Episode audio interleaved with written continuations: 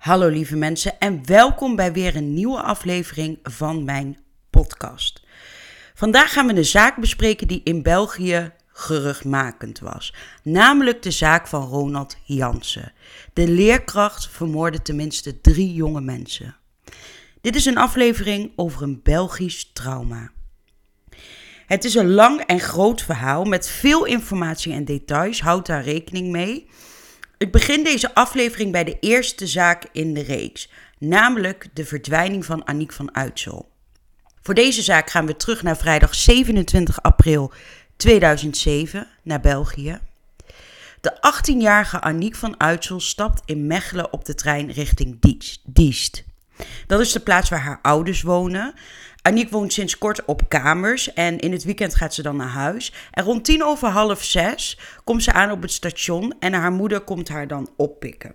Samen gaan ze naar huis, ze eten wat en na het eten gaat Aniek naar salsa les.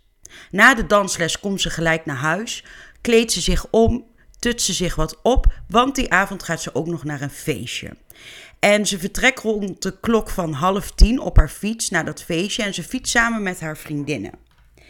De meiden hebben een leuke avond, ze dansen de hele tijd, drinken drankjes. Eigenlijk een hele normale avond uit voor tieners. Niets geks, niets vreemds, geen ruzie, geen opstootje, helemaal niks. Gewoon een leuke avond. In de loop van de avond en nacht belt en sms'en nog met haar vriendje. Hij was niet aanwezig op dat feest. Het laatste sms'je uh, van Aniek naar haar vriendje was om 1 minuut over 5 in de vroege ochtend. En in dat sms'je laat ze haar vriendje weten dat ze naar huis gaat, dat hij de liefste is en wenst hem een fijne nacht. Om vijf voor half vijf verlaat Aniek en uh, haar vriendinnen het feestje om onderweg te gaan naar huis op de fiets. Er is ook nog een vriend die mee fietst. En rond kwart voor vijf, dus twintig minuutjes later, komen ze aan bij die woning van die vriend. Daar blijven ze nog een tijdje praten met elkaar. Maar eigenlijk is Aniek moe. En ze vraagt een paar keer aan haar vriendinnen: joh, kunnen we verder fietsen? Ik wil graag naar huis. Ik heb het gehad. Kort daarna stuurt ze dus haar vriend nog uh, dat laatste sms'je. De vriendinnen van Aniek wonen iets dichter bij het feestje dan Aniek. Dus Aniek moest nog een heel klein stukje alleen naar huis fietsen. Aniek fietst via de fietsersbrug tussen Schaffen en Diest naar huis. Alleen komt Aniek van Uitsel nooit thuis aan. Thuis wordt de moeder van Aniek wakker en eigenlijk voelt ze aan haar moedergevoel dat er iets niet klopt. Aniek was nog steeds niet thuis en haar man, de vader van Aniek, probeert de moeder nog wat te kalmeren. Ze zou vast zo wel komen, misschien stond ze nog te praten of was ze nog ergens ja, bij vriendinnen thuis. Maar het moedergevoel van de moeder van Aniek was toch sterker. En rond half zeven in de ochtend belt de moeder Aniek naar haar, uh, op haar mobiel. Er komt geen gehoor, maar haar telefoon was wel in de lucht. Kort hierna probeert ze het nog een keer en toen was de mobiel van Aniek ineens uitgeschakeld. De hele ochtend wachten de ouders tevergeefs op hun 18-jarige dochter. Maar Aniek kwam niet thuis. Rond tien voor één in de middag ja, zijn de ouders eigenlijk niet meer te houden. De vader gaat naar het politiebureau in Diest en doet aangifte van de verdwijning van zijn dochter. Aniek was een opgewekt en vrolijk meisje, soms een tikkeltje slordig, maar ze zag eigenlijk altijd het positieve in uh, bijvoorbeeld moeilijke momenten. Ze was een echte dierenvriend en voor onbekenden kon Aniek soms iets ja, teruggetrokken ogen. Maar als Aniek bij een bekende was, ze voelde zich zichzelf en vertrouwd, dan praatte ze honderd uit. Tijdens de puberteit was Aniek eigenlijk een puber zonder al te veel problemen. Ze zeurde af en toe op, over de tijd wanneer ze thuis moest zijn en dat soort dingen. Maar ja, goed, dat zijn eigenlijk gewoon de standaard puberdingen. Maar geen extreme puber, geen ruzies of weglopen. Nee, eigenlijk was het gewoon een hele rustige puber. Aniek was verder heel meevoelend, heel zacht, uh, stond altijd klaar voor vrienden en familie. Uh, op school waar Aniek modevormgeving studeert, stond ze bekend als een voorbeeldig leerling. Um, echt een voorbeeldleerling. Ze had altijd een grote motivatie om haar werk tot in de puntjes op school goed te doen. Ze ging op een gegeven moment op kamers wonen in Mechelen. En ze trok daar veel op met een meisje die in datzelfde gebouw uh, ook op kamers zat. En zij vertelt dat Aniek een hele aanstekelijke lach had. En die galmde echt door het hele studentenhuis. Ze was altijd in voor een grapje, maar ze was ook heel verantwoordelijk. Zo zou Aniek nooit met een dronken persoon mee naar huis gaan, naar bijvoorbeeld een avondje stappen. Een feitje wat de vriendin vertelde, um, is misschien wel grappig om te delen. Want als ze bijvoorbeeld naar de stad ging om te stappen, dan uh, vertrokken ze vanuit hun studentenkamer. En Aniek stak dan altijd twee sigaretten op om mogelijk een aanvaller of mensen die die meisjes lastig vielen te verwonden. Bij de scouting wilde Aniek graag leiding geven aan de allerkleinste, in de leeftijd van 4 tot 6 jaar. Het bemoederen en het lief zijn voor die kleinste was echt op het lijf van de tiener geschreven. Je zag eigenlijk nooit aan Aniek af of ze een slechte dag had, eh, zaggerijnig was. Ze was letterlijk altijd het zonnetje in huis. Nou, de vader van Aniek doet dus rond tien voor één in die middag aangifte. De politie komt eigenlijk direct in actie. Uh, bij sommige vermissingen voel je aan je water, en dat heb ik al wel eens eerder verteld, bijvoorbeeld in de zaak van Anne Faber. Uh, als je die nog terug wil luisteren, kan op mijn uh, oude podcast Waar gebeurde misdaden verteld. Um, weet je, aan sommige vermissingen voel je aan je water dit is geen gewone vermissing. Dit is geen meisje die weg is gelopen of hè, die na een aantal dagen weer boven water komt. Um, dat voelt de politie, dat voelt de media. Want bij sommige zaken wordt er heel erg gelijk groot media-aandacht aangegeven. En de politie voelde in dit geval ook van er is iets niet mis. Dus ze, gaan, ze komen eigenlijk direct in actie. Uh, gaan alle ziekenhuizen in de buurt af om te vragen of daar bijvoorbeeld een meisje binnen is gebracht na een ongeval. En toen duidelijk werd dat dit niet het geval was, slaat de politie eigenlijk direct groot alarm. De afdeling vermiste personen wordt ook betrokken bij de zaak um, van Aniek. En de politie gaat ja, de weg op om te zoeken naar de 18-jarige Aniek. Ook worden de telefoongegevens uh, van het meisje opgevraagd. Er wordt een grote zoekactie opgezet. Er worden affiches verspreid met de foto van Aniek en haar beschrijving. Een helikopter van de politie hangt in de lucht om eh, vanuit daar te zoeken naar Aniek. Maar dit allemaal zonder resultaat. We zijn inmiddels aangekomen op zondag 29 april 2007. Aniek is op dit punt een volle dag en nacht verdwenen. De politie denkt ook in dit stadium van het onderzoek dat het misschien wel gaat om een ontvoering.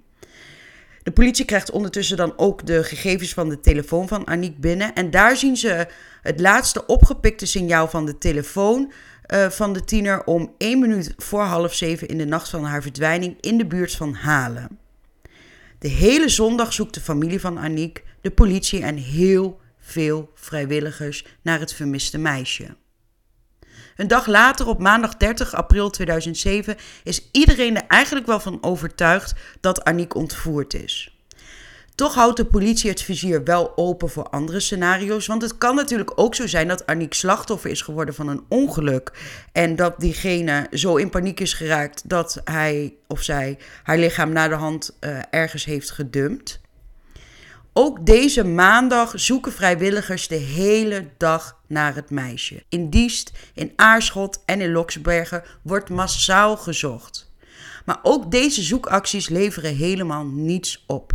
Aniek blijft vermist. We nemen dan een sprongetje in de tijd. Een paar dagen later, op donderdag 3 mei 2007. Aniek is dan uh, ja, ongeveer vijf dagen vermist. En een wandelaar ziet rond half vier in de middag iets verdachts drijven in het Albertkanaal in Lummen. Hij belt de politie. Uh, de brandweer en de politie zijn snel te plaatsen. En duikers halen dan het verdachte pakket uit het water. En in dat pakket blijkt een lichaam te zitten. Maar de politie beslist op dat moment om het pakket dicht te laten. En het pakket en al zo naar de patholoog te vervoeren voor autopsie, want ze willen geen enkel spoor verloren laten gaan. Een paar uur later, om kwart over zeven diezelfde dag, wordt er een lijkschouwing gedaan op het lichaam dat gevonden is in dat Albertkanaal. En wat iedereen vreesde, gebeurde.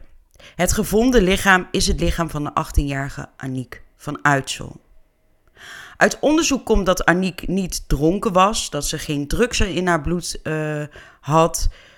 Uh, de politie kan verdrinking niet uitsluiten, maar wat wel duidelijk is, is dat een ander de hand in de dood van Aniek heeft gehad.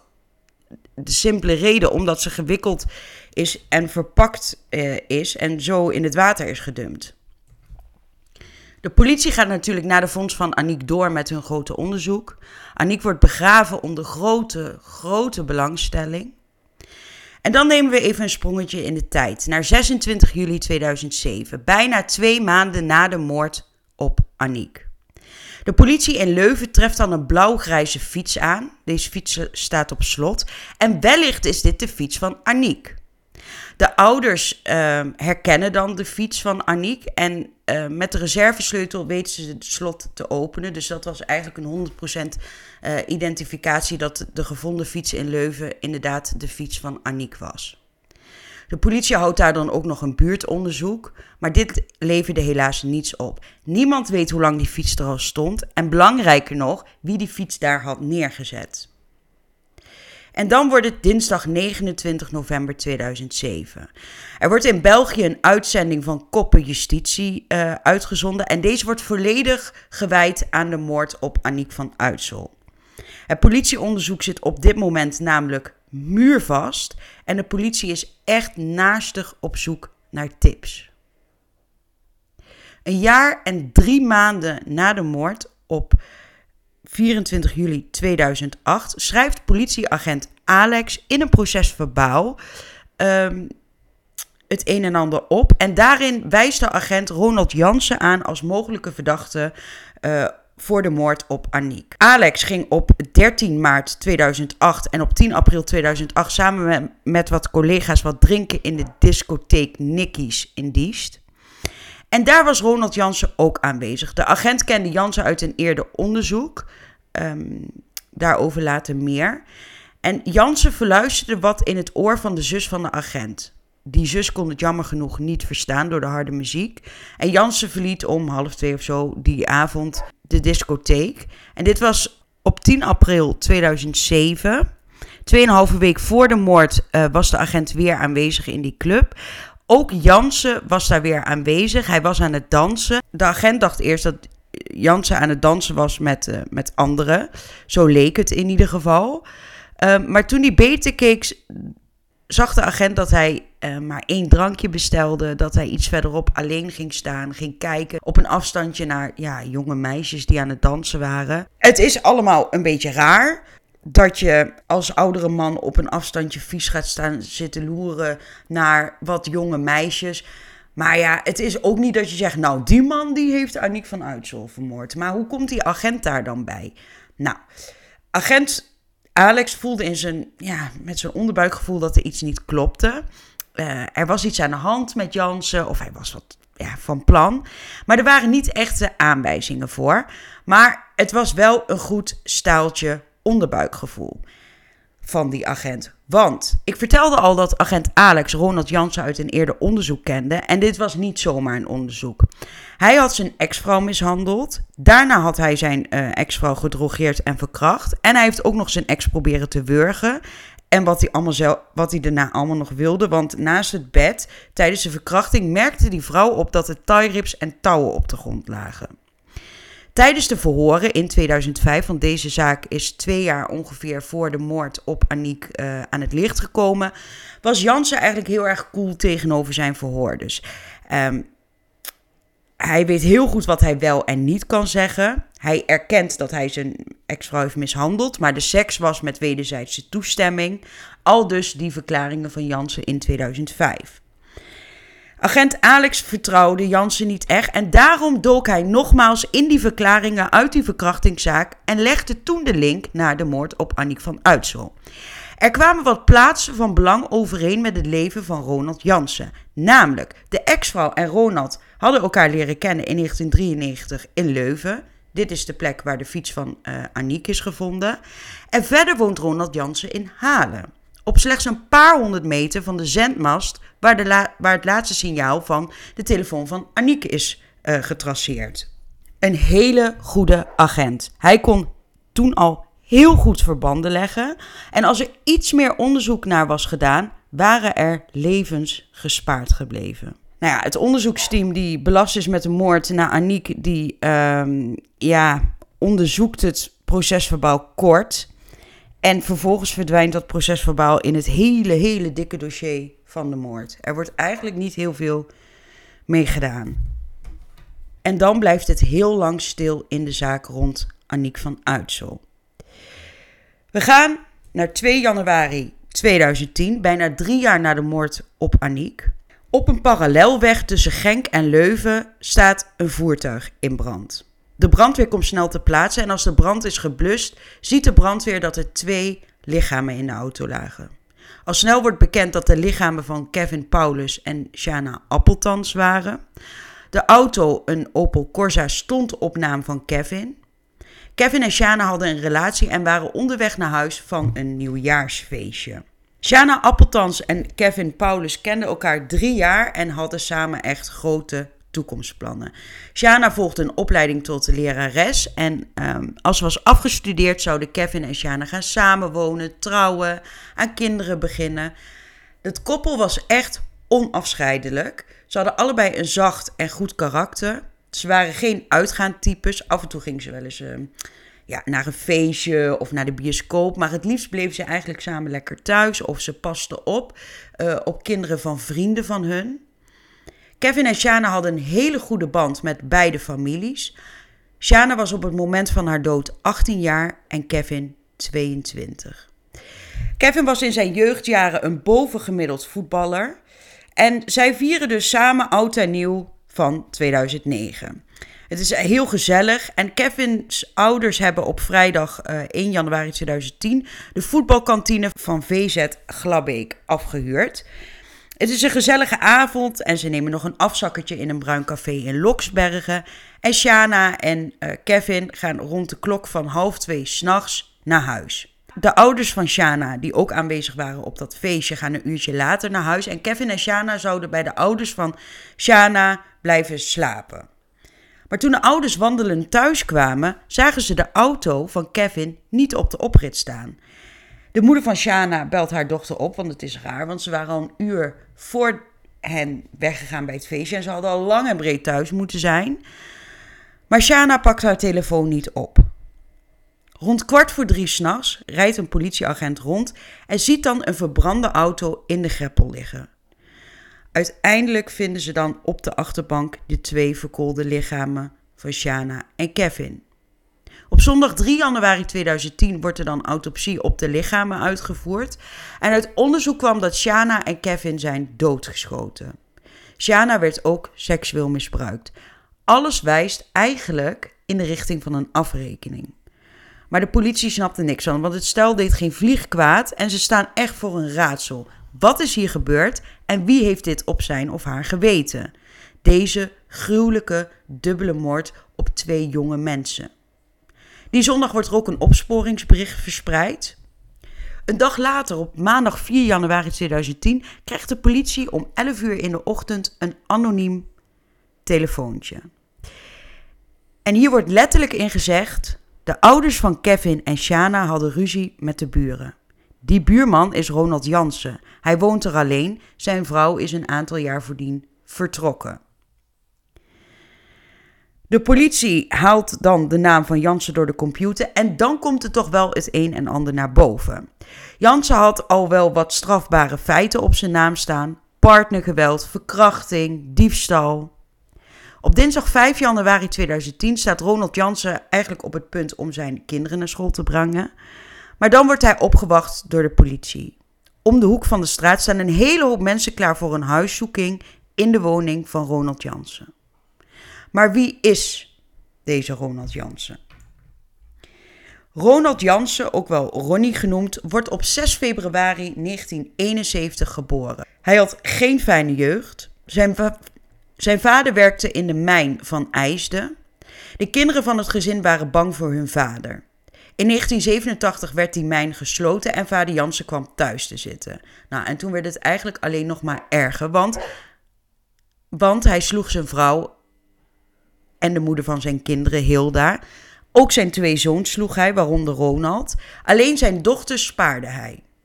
Vader schreeuwde veel, kon ineens de zelfbeheersing verliezen. Niemand was eigenlijk ooit echt op hun gemak in huizen Jansen.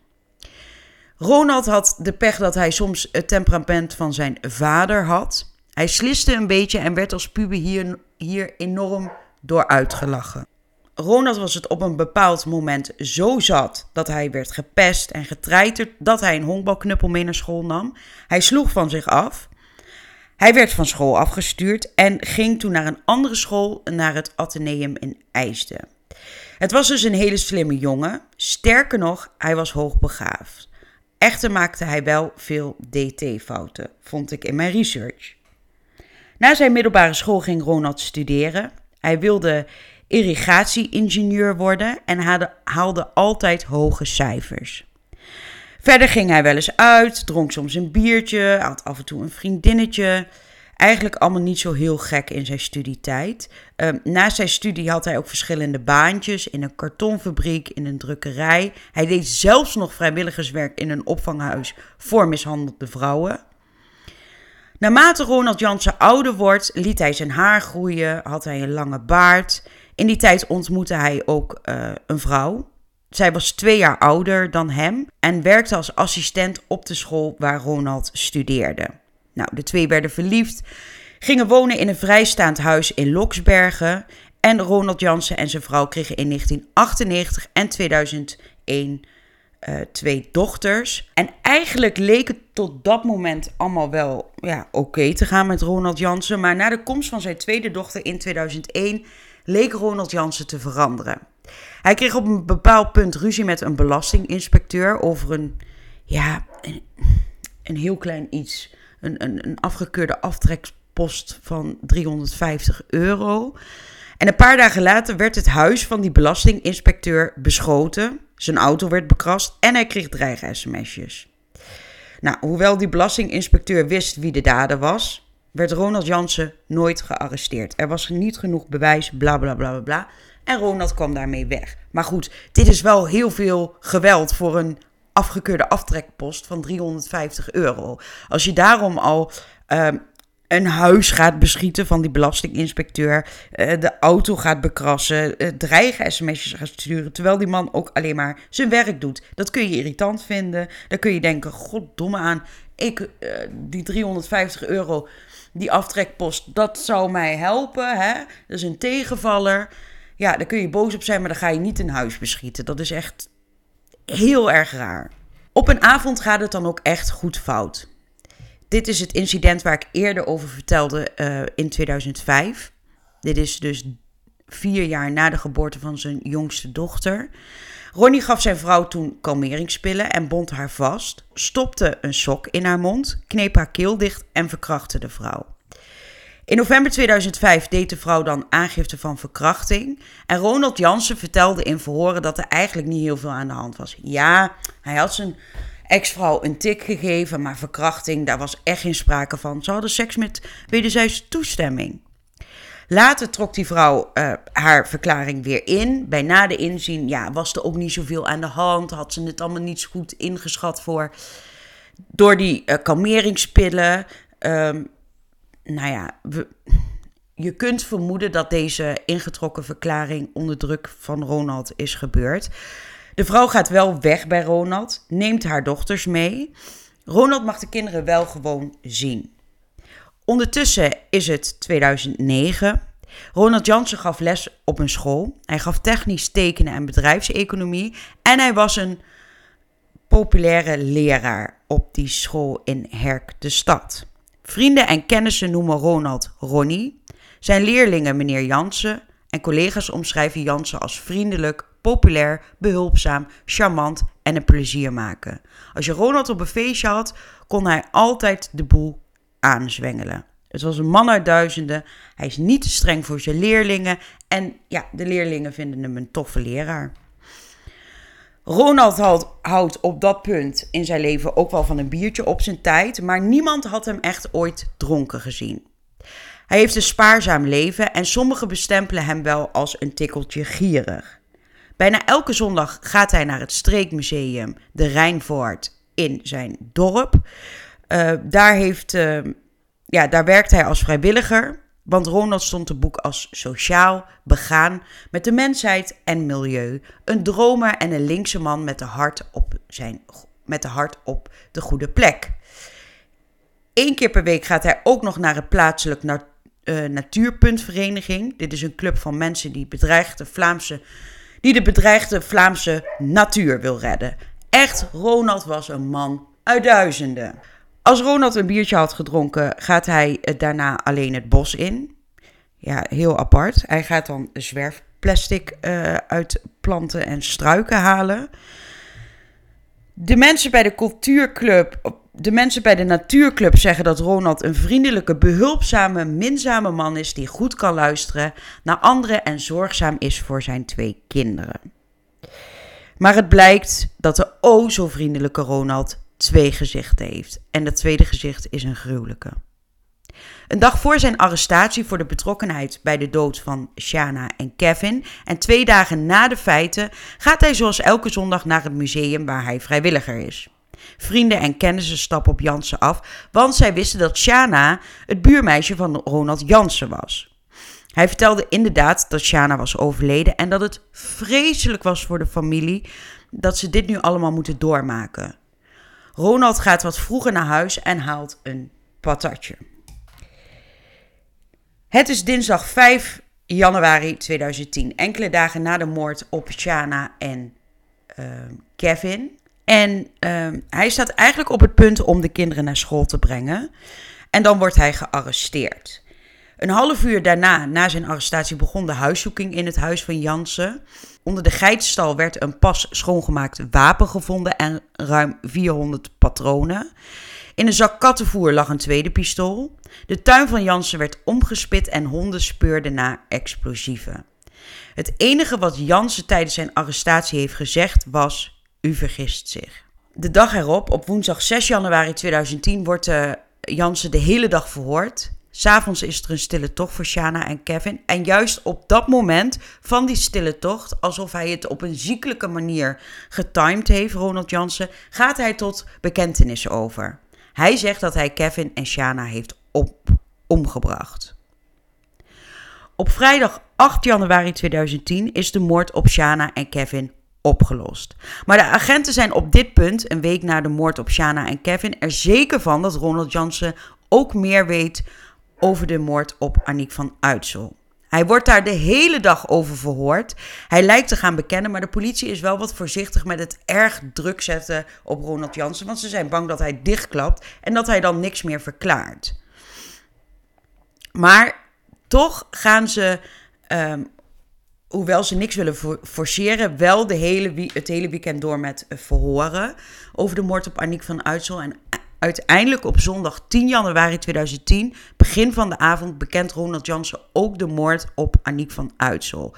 Hij heeft haar ontvoerd, maar ja, haar dood had hij nooit gewild. Wat is er nou precies gebeurd met Aniek van Uitsel, Shana Appeltans en Kevin Paulus? We beginnen bij Aniek. Dit zijn de eerste feiten, voor zover wij weten. Aniek was op een feestje hè, met vriendinnen, fietste onderweg naar huis en het laatste kleine stukje moest ze nog alleen fietsen. Die avond was Ronald Jansen alleen thuis. Zijn kinderen waren bij zijn ex-vrouw. En hoewel Jansen bekend stond voor de buitenwereld als een goede man, is hij een wolf in schaapskleren. Van binnen is hij een monster. Als zijn kinderen bij zijn ex-vrouw zijn, gaat Jansen heel vaak s'nachts op pad met zijn auto.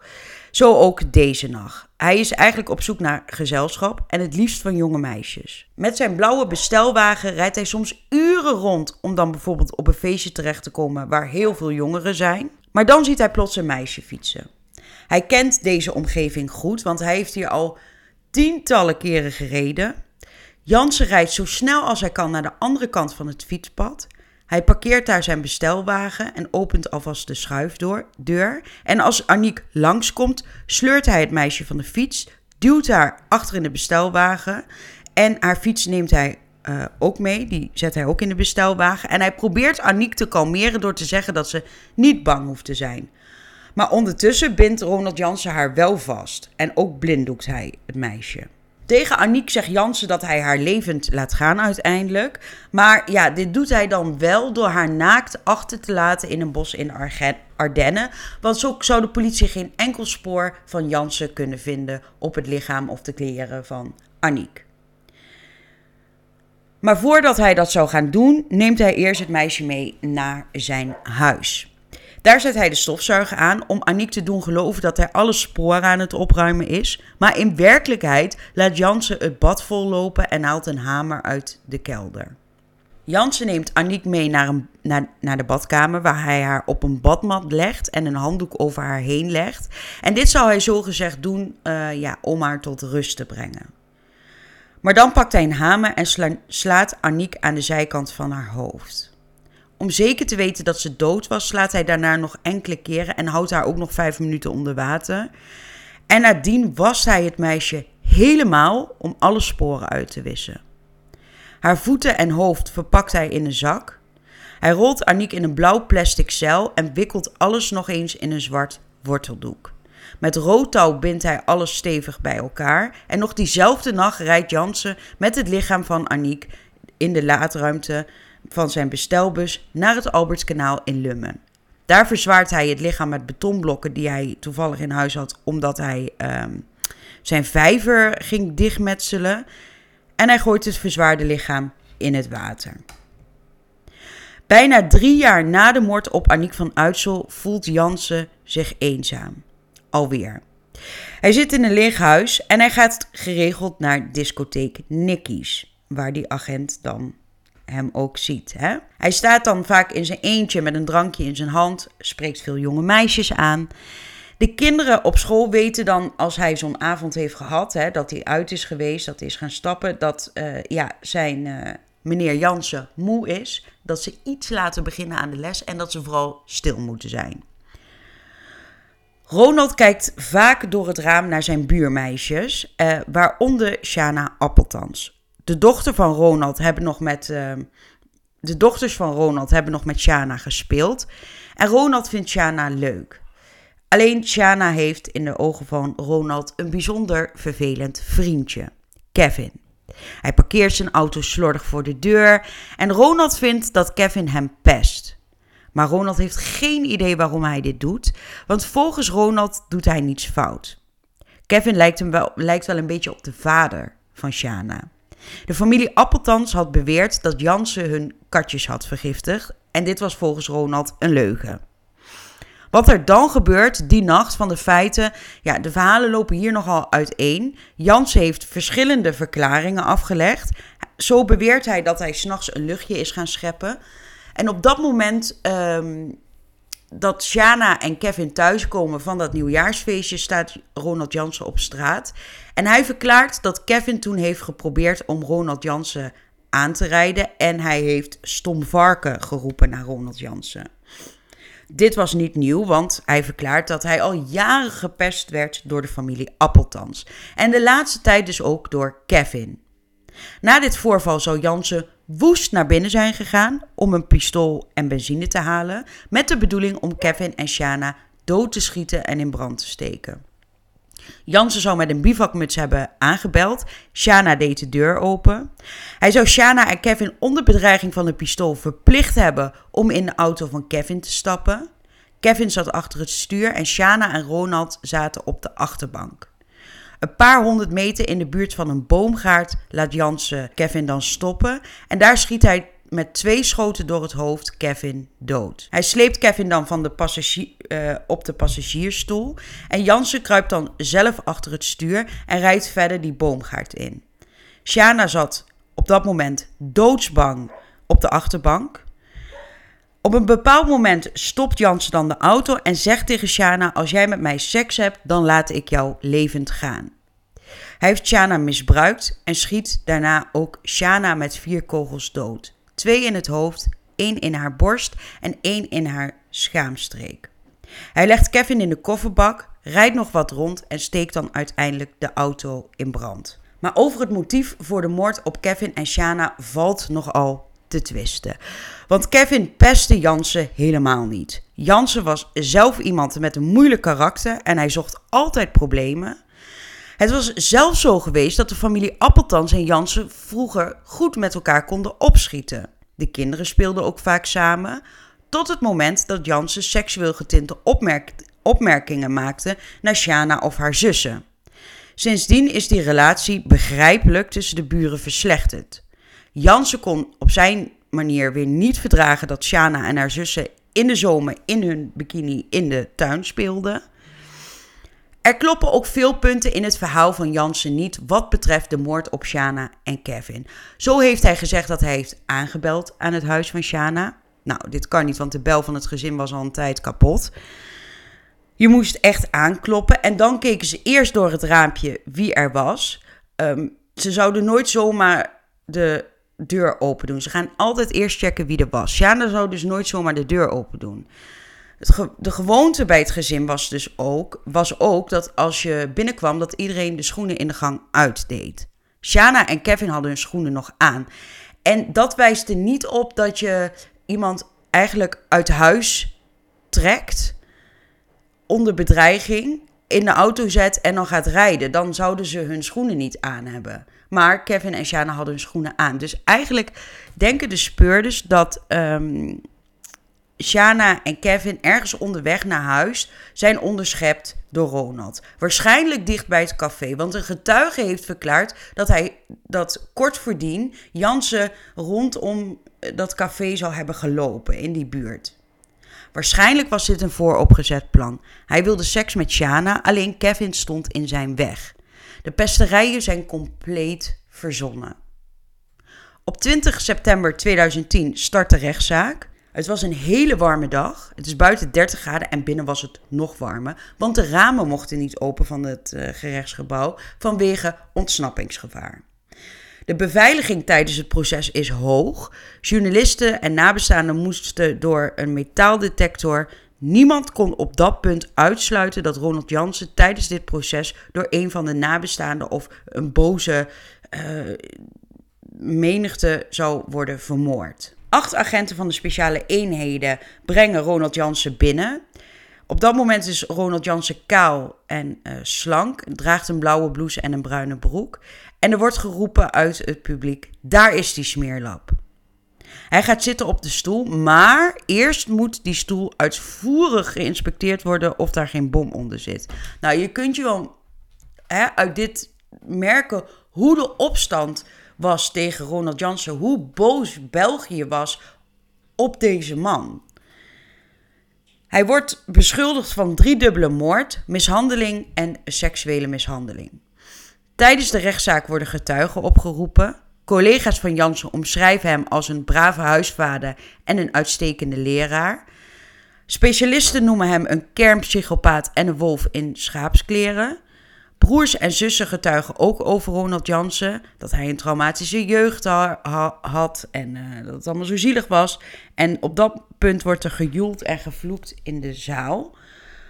Maar dit was nog lang niet het ergste. Want de laatste getuigenis stond na een maand aan het begin van het proces gepland. En dat was de moeder van Jansen. Ze was op dat moment 64 jaar oud. Ze was netjes gekleed. En deze getuigenis liep nogal uit de hand. De moeder van Jansen stak een heel betoog af hoe, gevoelig haar Ronnie wel niet was.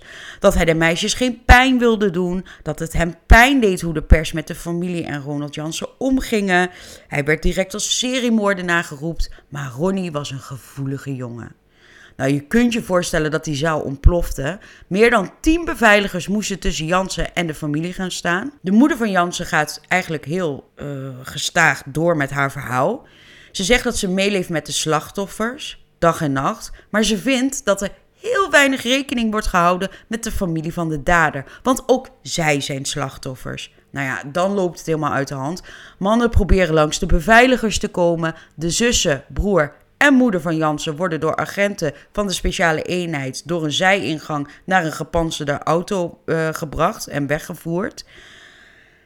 Nou ja, weet je, als ik, ik, ik las dit zo, hè, die getuigenis van die moeder. En toen dacht ik, nou, dat heeft Ronald Jansen niet van een vreemde. Die vader was geen lekker figuur, maar die moeder is ook blind hoor. Voor wat, ze, wat haar zoon allemaal heeft gedaan. En ik snap echt wel dat die menigte Hè, dat die nabestaanden en de mensen en de pers zo ontzettend ontplofte op dat moment tijdens die getuigenis.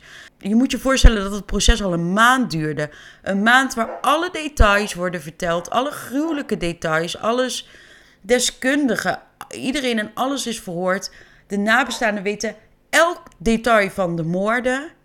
En dan komt die moeder getuigen en dan hoor je dit. Ja, ik snap dat, ja, dat de emoties dan moeilijk in toom gehouden kunnen worden. In België is het zo dat de nabestaanden van de slachtoffers zich burgerlijke partij kunnen stellen. Zij hebben dan ook een advocaat. Een van die advocaten van de burgerlijke partijen was een van bekendste strafpleiters van België, namelijk Chef van Massen. Hij stelde dat Jansen even bezeten was als Jack de Ripper, maar dan veel georganiseerder.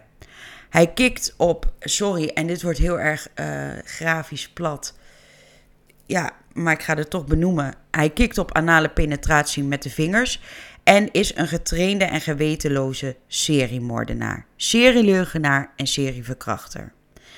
Vermassen is ervan overtuigd dat Jansen nog meer moorden op zijn geweten heeft. Zijn laatste woorden van zijn pleidooi waren: Hoe kun je zo laag gezonken zijn?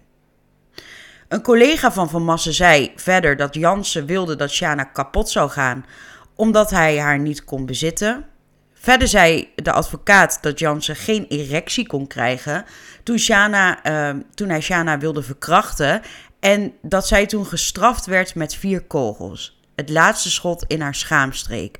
Uh, dat was niet voor niets. Dat was een statement, een, een extra afstraffing. Kevin en Shana moesten ook helemaal niet dood vanwege zogenaamde pesterijen. Maar de dubbele moord komt voort uit seksuele frustratie en daarna zijn ze in brand gestoken als oud vuil. Op 20 oktober is het dan het uur van de waarheid voor Jansen. De jury moest een oordeel vellen over zijn daden. Alle cafés in Tongeren zijn vol. Daar wordt de rechtszaak gehouden. Op het plein voor de rechtszaal stonden honderden mensen. Kranten, tv-zenders hebben hun beste mensen gestuurd. De uitspraak vond plaats om half vier die middag. Ronald Jansen wordt veroordeeld voor drie keer moord. En er wordt minutenlang gejuicht. De rechter veroordeelt Ronald Jansen tot een levenslange gevangenis. In 2012 werd Jansen ook nog eens veroordeeld voor tien verkrachtingen op onder meer studenten. Hij zit vast in Hasselt en heeft een nieuwe vriendin, een godsdienstlerares. Jansen heeft tijdens zijn verhoren ook nog een vierde moord bekend, maar hij zegt niet wie dit is, um, wat er gebeurd is en daarom kan justitie daar niet veel mee. Daar kan, ja, ze kunnen hem daarvoor niet berechten omdat ze geen idee hebben waar hij het over heeft. In de loop van de jaren zijn er meerdere moorden geweest die misschien aan Jansen gekoppeld konden worden, maar uiteindelijk is dit niet gelukt. Deskundigen zeggen wel dat het waarschijnlijk is dat Jansen meer moorden heeft gepleegd en misschien komen we daar in de toekomst nog wel achter. Dit was de zaak voor deze week. Een gruwelijke zaak. Een zaak, een grote zaak in België ook. Jansen komt nooit meer vrij, want ik denk dat hij dan om het leven wordt gebracht. De woedejegers Ronald Jansen is zo groot en dat is niet meer dan begrijpelijk. Voor extra beeldmateriaal neem een kijkje op mijn Instagram, waar gebeurde misdaden verteld. Bedankt voor het luisteren en tot volgende week, lieve mensen.